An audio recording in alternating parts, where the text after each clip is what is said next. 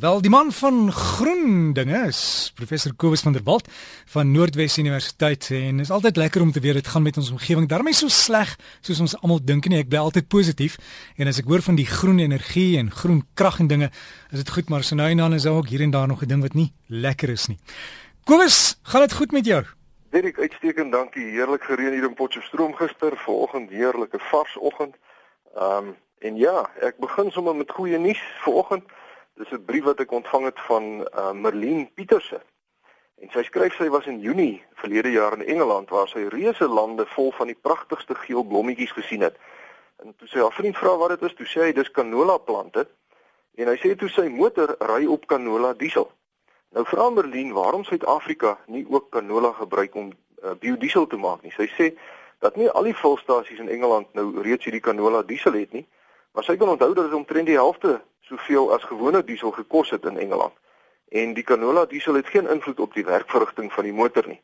So baie dankie Merlin Pieterse vir daardie interessante nuusbrokkie uit Engeland. En dit is wel so dat suiwer canola biodiesel in nuwer uh, diesel engines gebruik kan word onverdun. En dis baie goed. Uh maar gewoonlik word dit nog steeds gemeng met gewone diesel vir die ouer engines. Nou in Suid-Afrika het ons wel planne om 'n 4,2 miljard rand aanleg by Kuga op te rig wat nou canola biodiesel aanvanklik sal uitvoer na Europa toe. Maar die idee is dat die aanleg met tyd ook vir Suid-Afrika van biodiesel sal voorsien. So ons is gelukkig daarom nou nie so ver agter die res van die wêreld wat dit aanbetref nie en dis goeie nuus. 'n Ander opwindende ontwikkeling Dirk is die rassevooruitgang van die sogenaamde aardskepe. Meneer Henny Botha het vir my vertel dat Michael Reynolds in die VSA wat ook bekend staan as die garbage warrior dit deesdae reg kry om die menslike voetspoor tot bykans nul af te bring. Nou Reynolds se maatskappy Earthship Biotecture kry dit reg deur woonhuise te bou, gewone woonhuise, maar hy bou dit uitsluitlik van afvalmateriaal. En dan ontwerp hulle die huise so uitmuntend dat selfs in 'n semi-woestyn soos in New Mexico die temperatuur binne in die huis 'n matige 24 grade Celsius bly gedurende die winterkoue as ook die somerwarmte. Nou behalwe vir die heerlike temperatuur, herverbruik hulle hul waterreserwes tot 4 keer en daarom kan so 'n huis 'n huisgesin van 4 mense met net 170 mm reën per jaar onderhou. Krag word deur middel van son of wind opgewek en akwakultuur en hidroponika word ingespan om op slegs 15 vierkante meter, 'n stukkie grond 15 vierkante meter, genoeg voedsel te produseer vir die hele huisgesin. So 'n huis is dus 100% onafhanklik van enige ander mens of enige diens. So daar's geen vullisverwydering, geen krag of waterrekening nie en bykans geen koolstofvoetspoor nie. En op hierdie wyse kan die moderne mens net so in 'n perfekte harmonie met die natuur leef as wat die sanmense of dan die boesmans dit regkry in die Kalahari. Die Earthship huise wys ons egter dat dit nie nodig is dat ons nou moet almal vel uh, broekies aantrek in die veld gaan rondhardloop en met pyl en bo jag om volhoubaar te lewe nie, maar dat moderne tegnologie indien dit reg ingespan word vir ons ook volhoubaarheid kan gee. So dit is 'n 'n baie baie opwindende ding hierdie. Gaan soek gerus op die internet na Earthship, aard 'n aardskip, Earthship uh, vir 'n bietjie meer inligting indien u hierin belangstel. En dan omgewingsvriende, wil ek graag vanoggend bietjie gesels oor iets wat bekend staan as pseudo wetenskap. Jy weet ek kry bykans elke week 'n brief van 'n omgewingsvriend wat redelik oploop is oor iets wat hy of sy dan nou per e-pos van iemand anders af gekry het. En hierdie tipe goed is siklies. Uh soos byvoorbeeld die e-pos oor die kwansyse gevare van mikrogolfoonde. Want so elke 6 maande dan uh, kom die ding nou weer op en dan stuur 'n klomp mense dit vir my en dan uh, vra hulle nou wat gaan nou hier aan. Nou in die spesifieke e-pos ehm um, waarna ek nou verwys van mikrogolfoonde is daar nou 'n kwansyse eksperiment wat 'n skoolkind iewers in Engeland gedoen het of so wat plante nou nat gegooi word met water wat in 'n mikrogolfoond gekook is en toe afgekoel is. En dan is daar so 'n reeks fotos wat nou wys hoe die plantjie stelselmatig vrek as jy hom nou met mikrogolfwater nat gooi en dan sê hulle nou kyk nou hier jy weet uh, dit gaan jou ook baie skade doen as jy enige voedsel in mikrogolfoonde warm maak en so aan. Maar dis natuurlik absolute nonsens daar bestaan nie so iets nie. En dit bly nie net by mikrogolfoonde nie. Iets wat ongelooflik reaksie uitlok is stories oor wat gesond is om te eet en wat nie. En in hierdie verband het meneer Kobus Els van Pretoria vir my geskryf oor sommige mense wat sê jy moet 'n lae vet, hoë koolhidraat dieet volg terwyl ander nou weer sê dat die teenoorgestelde synde 'n hoë vet lae koolhidraat dieet beter is. En die twee groepe verskil heftig van mekaar. Nog 'n argument wat met voeding te maak het, is die huidige groot projek van die Wêreldgesondheidsorganisasie en UNICEF om vir mense te leer dat borsvoeding van babas by verre beter is as enige aangemaakte babamelk wat mens kan koop. Maar ten spyte van oorweldigende wetenskaplike getuienis dat aanmaakmelk geen plaasvervanger is vir moedersmelk nie, koop mense nog steeds honderde miljarde rande se aanmaakmelk jaarliks. Trouwens daar is onbetwisbare bewyse dat borsvoeding babas se risiko vir wiegiedood, asma, infeksies, tipe 1 en 2 diabetes en obesiteit verlaag en dat moeders wat hulle babas borsvoed se risiko vir tipe 2 diabetes, borskanker en kanker van die ovaria ook laer is. Maar ten spyte hiervan glo die mense die advertensies en daar word steeds berge aanmaakmelk verkoop. Nou die vraag is natuurlik waarom die mens homself so maklik aan die neus laat rondlei. En die antwoord daarop dink ek is dat die moderne mens aangeleer het om kunsmatig te lewe. Ons soek kits oplossings vir alles en daarom glo ons die advertensies tog so maklik wat vir ons vertel dat 'n sekere tipe dieet, 'n pilletjie of 'n poeiertjie wat jy drink, jou gaan maar maak of dat aanmaakmelk so goed is vir jou baba, selfs beter as moedersmelk. En dan praat ek nou nie eers van die sweeterhoel pilletjies en salfies en stropies en poeiertjies wat jou beloof dat dit vir alles op aarde sal doen nie. Daar's middels wat jou gebrekkige dieet aanvul want jy word nou wysgemaak dat jou liggaam 'n sekere stof kort, so jy het 'n sekere pilletjie nodig om volledig mens te wees.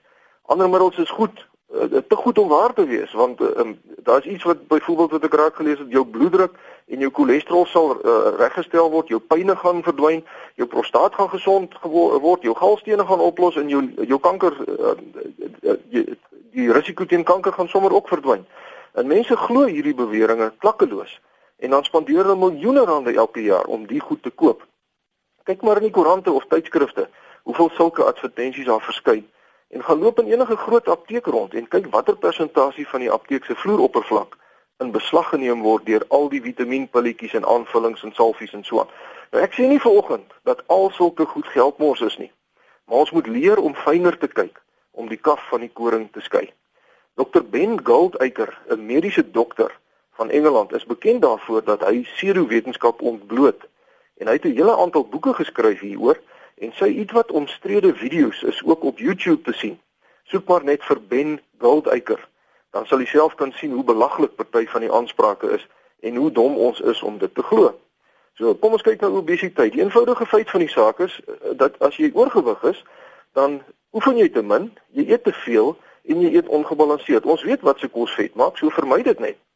As ons elke dag 3 borde kos eet wat al die voedselgroepe insluit, dan het jy slegs by hoë uitsondering vitamien of mineraal aanvullings nodig en as jy regtig wel iets kort dan sal jou dokter dit vir jou voorskryf.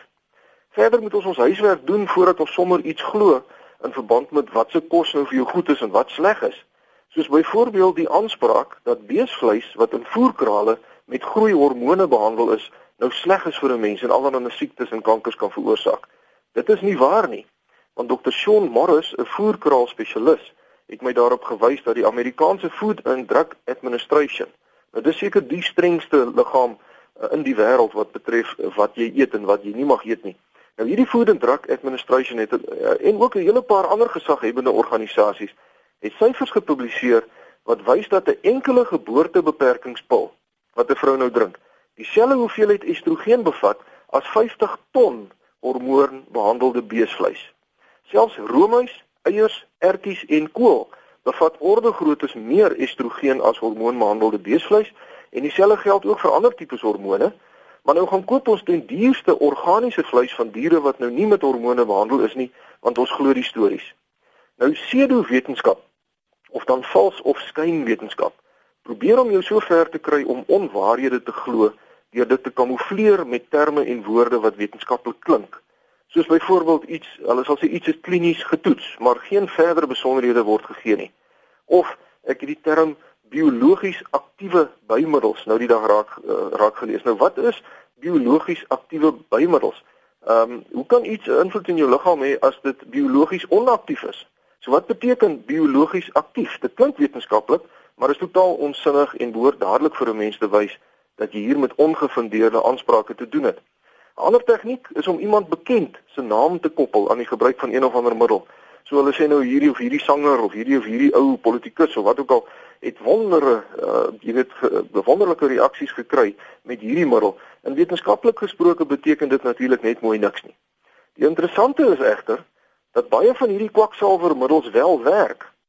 En dan is dit die placebo-effek wat mense laat dink hulle voel beter. Nou die placebo-effek is baie goed gedokumenteer en is 'n kragtige effek. In een toets het hulle byvoorbeeld verskillende kleure vitamienpille vir mense gegee Maar wat die mense nie geweet het nie was dat dit nie vitamienpille was nie, maar bloot suikerpilletjies.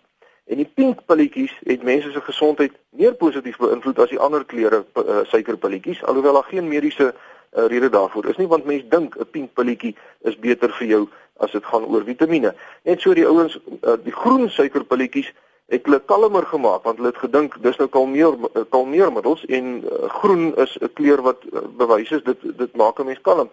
So ook teen pyn het hulle vir mense met soutwater ingespuit of vir hulle suikerpilletjies gegee. En die mense wat die inspuiting gekry het, het beter gevoel as die wat die pilletjies gekry het, maar dis alles die placebo-effek. So die effek van medikasie is baie sterk gekoppel aan wat ons verwagting is wat die pil of die inspuiting se uitwerking gaan wees. En in baie gevalle is daar net mooi geen mediese of wetenskaplike basis daarvoor nie. Uh, maar dit werk. Dis 'n goed gedokumenteerde ding, die placebo-effek. Dit ek so kan ek aangaan, maar ek sien ons tyd is verby en ek dink die punt is gemaak. Ons moet regtig heelwat meer skepties wees teenoor al die advertensies en nie alles vir soetkoek opeet wat aan ons opgedis word nie, want die pseudo-wetenskaplikes lag al die pad bank toe en ons mors ons geld op groot skaal.